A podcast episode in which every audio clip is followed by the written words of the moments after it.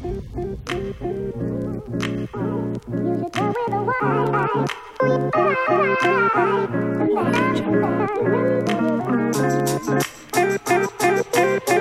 bij de tweede podcast van Volhaven Connect. Mijn naam is Sarah. Helaas konden we Stille er vandaag niet bij hebben voor de toekomstige team. Maar dat maakt niet uit, want we hebben hele leuke gasten aan tafel. Um, ik heb hier Amin van Stichting Mindtas, Laura, onze spoken word talent en onze twee tafelgasten Alan en Simia. Um, de winter en de koude dagen trekken eindelijk weg. Ook hebben we een zware coronaperiode achter de rug. Het zonnetje schijnt weer en dat maakt heel veel mensen blij. Maar ook hebben we slechte gedachten in onze gedachten hangen voor sommigen. Vandaag gaan we het hebben over niet lekker in je vel zetten en hoe je ermee om kunt gaan. Gevoelens en emoties. Hoe gaan jullie om met jullie zelf? Nou, uh, ik zoek meer afleiding als ik emotioneel ben. Dus dan ga ik uh, bijvoorbeeld uh, een me-time. Dan ga ik, zeg maar wat, yoga doen. Of als ik tijd heb, ga ik wel eens een kogelmassage. Gezichtsbehandelingen doen. Liedjes luisteren. Gewoon iets wat me goed voelt. Ja, ik merk ook wel als ik de tijd heb om mijn nagels te laten doen, dat ik een uur aan de tafel zitten soms ook wel fijn vind om gewoon ja, uh, weer lekker in mijn vel te komen te zitten. Inderdaad. Heeft iemand hier iets aan toe te voegen of doen jullie iets aan me-time? Nou ja, wat ik bijvoorbeeld uh, gebruik als mijn afleiding is, uh, ik hou van, heel erg van gamen. waarom? dat komt omdat ik dan letterlijk in een andere realiteit kom. Ik hou heel erg van spelletjes met een storyline. Omdat ik dan echt heel erg het gevoel heb dat ik basically een andere leven aan het leiden ben. Um, dat is wel een goede afleiding, maar of het een goed oplossing is voor sombere gedachten, dat weet ik niet.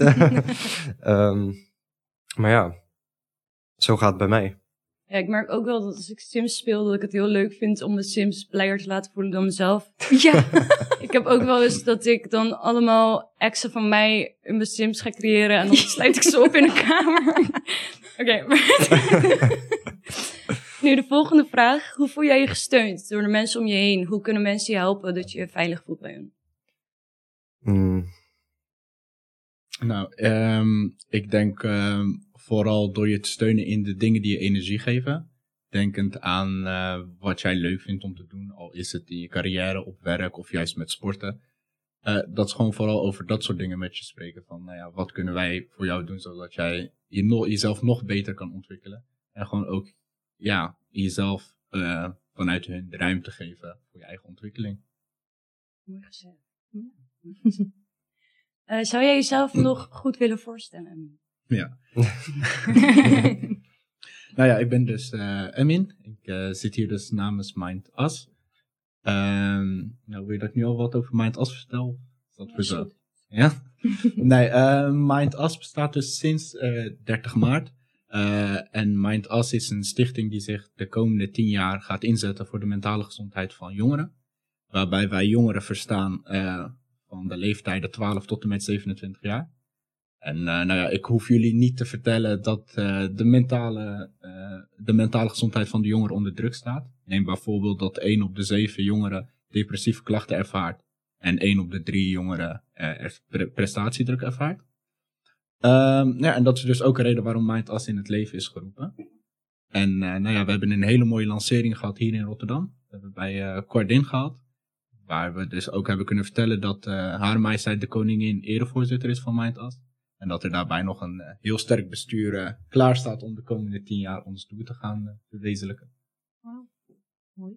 Ja, ik, ik ben heel blij dat er ehm, stappen genomen worden om daar iets mee te doen. Omdat ik merk dat ik daar zelf uh, eigenlijk, hoe noem ik dat, in mijn teenage years liep ik daar zelf heel erg tegen aan met, um, ik denk dat wij als jongeren, omdat onze ouders vaak van een bepaalde cultuur komen, kunnen we die steun niet altijd bij hun vinden. Wat natuurlijk jammer is, deels ook begrijpelijk. Dus ik ben heel blij dat er dit soort initiatieven komen, want uh, ik, ik zou er zeker iets aan hebben een paar jaar geleden. Snap je wat ik bedoel? Nee, ik vind het ook mooi dat je dat zo benoemt van uh, dat het vooral in je tienerjaren was. Want uh, wist jullie ook dat bijvoorbeeld 75% uh, procent van de mentale klachten, die ontstaat al voor het 25ste levensjaar. Vaak wordt gedacht van, ja, als je 40 bent of 30 van, dan is het dan ontstaan. Maar dus 75% van die klachten ontstaat al dus, in je tienerjaren tot je, voor je 25ste. ik begrijp dat je je lang bezig gaat met dit onderwerp. Ehm, heb jij een ontwikkeling zien ontstaan? Uh, en dan heb je het over een ontwikkeling in de mentale gezondheid Ja. van.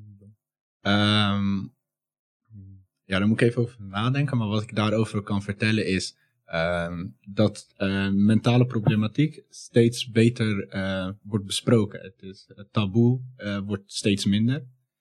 Eh, nou ja, corona heeft natuurlijk heel veel negatieve aspecten gehad. Maar een positief effect van corona is dat mensen, influencers, eh, bekende mensen van televisie, toch wel steeds meer gingen praten over van, eh, nou, dat ze zich toch wel ook soms down voelden en of met prestatiedruk eh, ervaarden of juist eenzaam voelden doordat alles wegviel.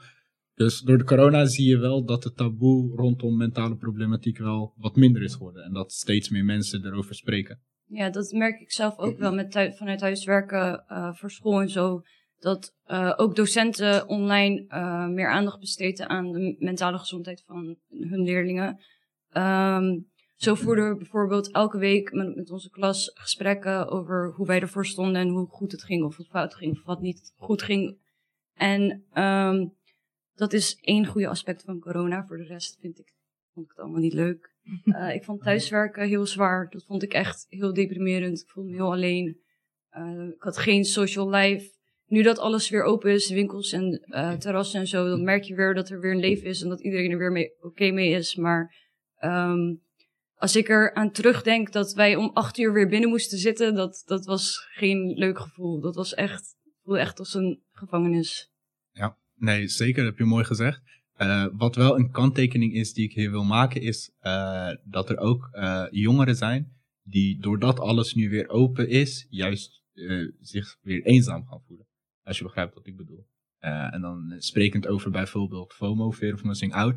Dat ze, nou dan heb ik het dus over jongeren die veel thuis zitten, misschien niet zoveel vrienden hebben. Of, eh, die dan nu weer zien dat iedereen het super gezellig heeft. Ja. En de coronaperiode, tenminste dat heb ik bij een aantal jongeren gehoord die ik heb gesproken, die vonden de coronaperiode, eh betreft het onderwerp FOMO, vonden ze juist weer heel fijn, omdat ze niet het gevoel hadden dat ze iets misten. Of eh, dat, dat hun sociale leven minder was dan anderen. Ja. Maar nu alles weer open is, is dat ook wel een doelgroep waar we op moeten blijven letten. Ja, ik denk dat eh, voor veel jongeren die bijvoorbeeld van gamen houden, dat thuiswerken ook best wel fijn was, omdat je dan online met vrienden heel veel kon gamen en praten. Ja, daar wilde ik inderdaad iets over zeggen. En het gaat niet alleen maar om gamen in dit geval, maar wat, eh, wat ik heel chill heb gevonden aan de coronaperiode is dat ik heel veel.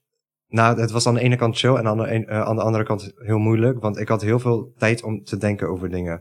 Ik zat zoveel in mijn eentje dat ik eh, merkte dat ik gewoon bepaalde gedachten kwamen steeds terug in mijn hoofd. En ik was heel erg bezig met, oké, waar sta ik nu in mijn leven? Wat voor mensen heb ik om me heen? Wil ik dat het zo blijft? Wil ik daar iets aan veranderen? Ik, ik vind eigenlijk dat ik heel veel gegroeid ben als een persoon in de coronatijd.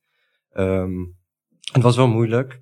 Ehm, ik vind online lessen echt niks voor mij. Ik vind dat je daar weinig van leert. Het is gewoon niet, eh, niet iets eh, waar, ik, eh, waar ik mee kan omgaan. Maar ik vond de tijd die ik voor mezelf had wel fijn. Ja, ik kan me daar wel in, ehm, in beleven, maar ik zeg je heel eerlijk, ik vond met online lessen dat, dat ehm, één of twee docenten met honderd leerlingen in één call, dat, dat werkt gewoon niet. Er zijn te veel vragen en dan besteed je tien minuten met één leerling, dat ging gewoon niet.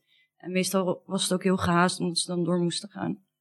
Wat ik ook heb gemerkt is met dat online lessen eh, waar je het inderdaad over hebt, is als je op school bent, kunnen leraren veel sneller merken als er bijvoorbeeld als er iets aan de hand is en komen ze vanzelf naar je toe. Wat ik bijvoorbeeld met online lessen heb gehad is, eh, ik vroeg niet om hulp, omdat ik dacht van ja, niemand weet dat ik dat hulp nodig heb.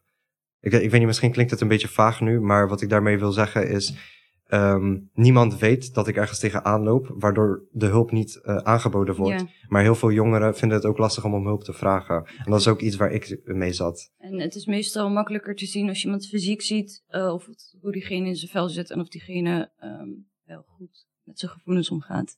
Nou, eh, genoeg gepraat over depressieve schoolperiodes. Dus we hebben allebei best wel veel moeite ervaren met thuis en online werken. Ehm, heeft er iemand anders aan tafel hetzelfde probleem mee gehad?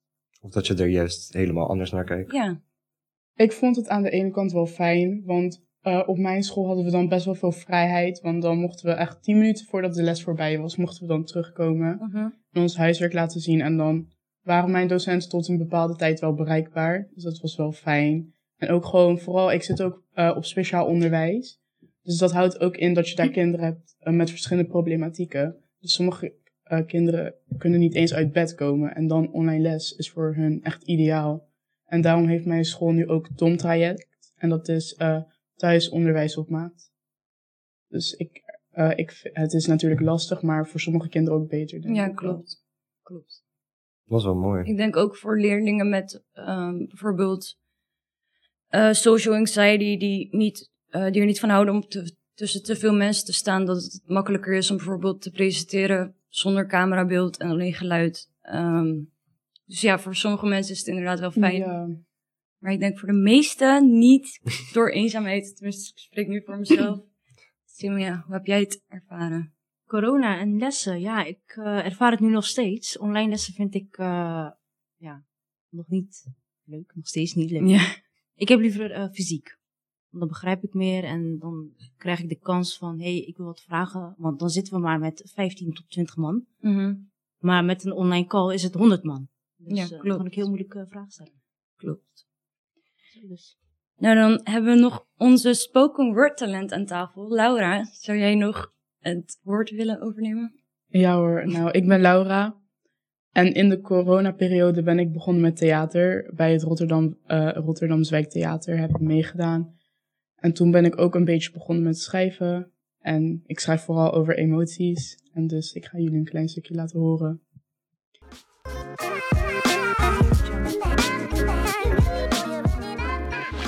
Woede of verdriet.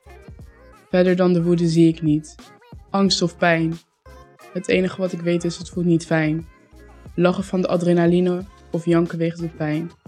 Mijn gevoelens zijn net de achtbaan. Ze gaan op en neer, heen en weer. Ik zelf die smacht de macht herpakken die ik ben verloren. Verloren, maar niet voor altijd weg. Aan het eind van de dag heb ik gewoon dikke pech.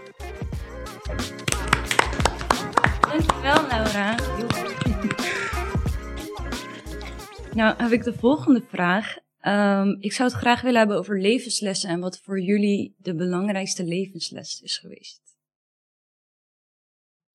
Als je het moeilijk vindt, kan ik zelf wel beginnen. Ja, ik kan wel de aftrap doen, want ik, ehm, ik heb er eh, net even over nagedacht. Ehm, misschien is het niet mijn belangrijkste levensles, maar wel een belangrijke les van de af- afgelopen paar jaar. Ehm, wat ik heb geleerd is, ehm, je kan niet iedereen helpen. Eh, je, kan wel, je kan er wel voor iedereen zijn, maar uiteindelijk kan je er niet voor zorgen dat je... Je, je kan niet iedereen fixen. Mhm. Het is. eh, het, hmm, hoe kan ik het goed verwoorden? Ehm, het, hoe ik het eigenlijk bij dat eh, antwoord ben gekomen is: eh, ik heb iemand gekend die eh, heel depressief was. En ik heb heel erg mijn best gedaan om diegene te helpen. Om ervoor te zorgen dat diegene gewoon weer blij wordt, gelukkig wordt. Wat, ik, wat ik zelf ervan heb geleerd is ik kon het niet. Ik was niet in staat om diegene uit zijn depressie te halen. Snap je wat ik bedoel? Ja, Ja, ik ben het met je eens.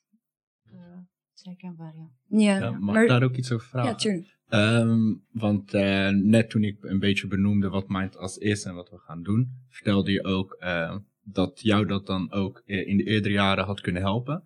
Is dit ook een aspect waar Mind als iets in had kunnen betekenen? Dus wellicht eh, de juiste kanalen laten zien, eh, waarbij er op laagdrempelige manier hulp kan worden geboden aan, het voorbeeld, aan de voorbeelden die je net gaf over die vriend van je? Ik denk het wel. Ik denk eerlijk gezegd dat het eigenlijk eh, heel goed zou kunnen werken op dat moment. Omdat ik merk, als je tegen iemand zegt van, misschien is het handig als je even naar een psycholoog gaat om daarover te praten, dan schrikken ze heel snel af. Ze denken van, ja, maar ik wil niet gediagnoseerd worden met dit of dat. En eh, zo'n stichting kan je wel helpen zonder, ik weet niet, zo- zonder het heel officieel te maken. Ik, Ja, nee, klopt. Ja, gewoon het bieden van laagdrempelige hulp. Ehm, nou, ja, denk bijvoorbeeld aan inloophuizen waarin jongeren gewoon een gesprek kunnen voeren wanneer zij daar behoefte aan hebben en waar er niet per se direct een label op je wordt geplakt van je hebt een depressie of Precies, ja. Ik denk dat dat inderdaad eigenlijk in die situatie heel veel gaat helpen. man.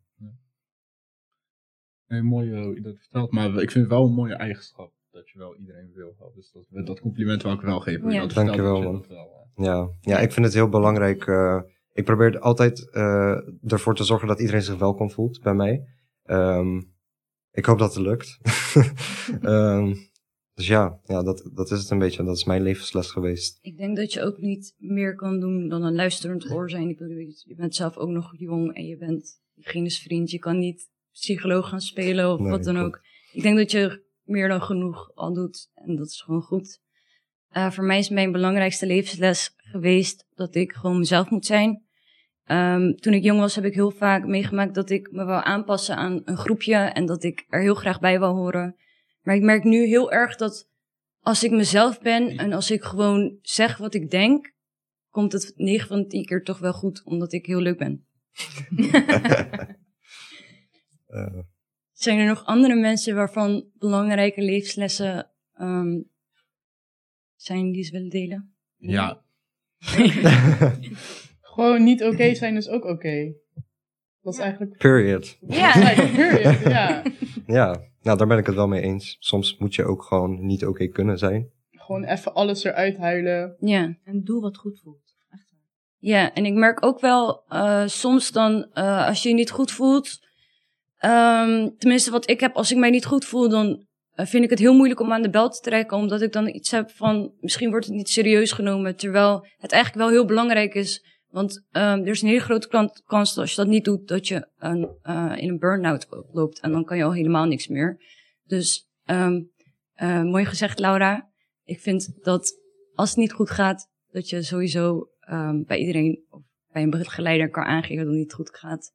En dat is ook oké. Ja. Simia, of Amin wilde nog iets Ja. vertellen. nou ja, ik vond het gewoon eh, heel mooi hoe, je dat, eh, hoe je dat vertelt eigenlijk. Inderdaad, dat het oké is om je niet altijd oké te voelen.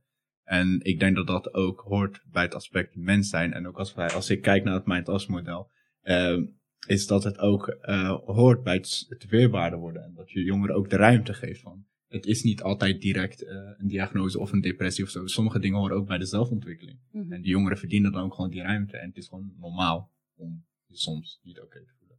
klopt. En eh, ik ga niet meer vast. Ja, ik heb eigenlijk niks eh, toe te voegen. Ik ben het eh, eens met ze. Je hebt geen belangrijke levensles meer gemaakt. Ja, zoals ik net al zei, eh, wees gewoon jezelf, doe wat goed voelt. En dat is genoeg. Ja, dat is genoeg. Kort maar krachtig. Dan nog tot slot de laatste vraag. Wat kunnen wij als jongeren zelf bijdragen aan mentale gezondheid voor onszelf of onze naasten? Nou, ehm, ik denk dat ik daar mijn levensles ook aan kan eh wijden. Is, want ehm levensles die ik altijd meeneem. ehm, ja, het geloof is voor mij heel belangrijk. Mhm. En ehm, nou, ik zie dan mijn profeet ook als mijn voorbeeld. En die ehm, leert ehm, dat je je medemens hetzelfde moet gunnen als wat je jezelf gunt. En dat neem ik altijd mee in wat ik doe. En ik denk dat dat ook iets is wat. Ja, ik denk dat wat jongeren zelf kunnen doen is ook gewoon eh, het blijven bespreken van ehm, de mentale problematiek. En het ook gewoon normaal maken. Dat het normaal is om te praten over wanneer je even niet oké voelt. Of, ehm, maar ook eh, weten wat, eh, wat, wat mentale klachten inhouden. Dus het kunnen herkennen ervan. Dus als jij ook aangaf van, jij herkent het dan bij je vriend. Maar je hebt ook heel veel mensen die het misschien niet zouden herkennen. Dat iemand in een zware periode zit. En dan gewoon op dezelfde manier daarmee omgaan. Maar het kunnen herkennen daarvan is ook misschien iets wat jongeren nog meer kunnen doen. En ja, gewoon blijven praten erover met elkaar. Ja. Wat ik eigenlijk ehm, wil vertellen, wat ik grappig vind, is... ehm, ik ben zelf niet gelovig, maar ik ben wel christelijk opgevoed. Ehm, en eigenlijk, het eh, één ding wat altijd bij mij is gebleven van mijn geloof is... behandel de anderen zoals je zelf behandeld wil worden. Dus ik vind het mooi dat je dat nu zegt. Ja. Want dat is inderdaad wel iets waar, waar ik het heel erg mee eens ben. Eh, ik, het is zo belangrijk... ehm, van, ik merk ook dat het ook de andere kant moet gaan. Want wat ik bijvoorbeeld heel vaak heb, is dat ik anderen veel beter behandel dan mezelf. Snap je wat ik bedoel? En ik denk dat dat ook een stukje is van je persoonlijke ontwikkeling. Hoe zorg je ervoor dat je jezelf net zoveel gunt als dat je het voor anderen doet? Ja, of niet meer. Ik vind persoonlijk dat je jezelf ehm, eerst van jezelf moet houden om van anderen te kunnen houden. Hmm. Want anders dan eh, vind ik, heb je niet zoveel zelfrespect voor jezelf als je anderen hoger zet. En ehm, dan ga je jezelf ook niet accepteren zoals je bent. En ik vind dat heel belangrijk. En denk je dat dat misschien ook iets is dat je gewoon continu op zoek moet gaan naar de beste versie van jezelf? Omdat je Nee. vanuit de beste versie van jezelf Totaal niet. kan helpen? Totaal Ja. niet. Ik denk dat eh, jezelf niet lekker in je vel zitten of niet goed voelen, dat dat ook aspecten zijn waar je van moet houden. En gewoon moet accepteren, want daar kom je niet vanaf. Nee, helemaal mee eens. Ja, en voelt je zo ook door een reden. Ja. Het, het- je gaat niet het leven door met alleen maar goede gevoelens en goede emoties. Dus ik vind dat je ook moet kunnen houden van je slechte emoties. Hashtag good vibes only. ja. ja, maar daar ben ik het wel mee eens.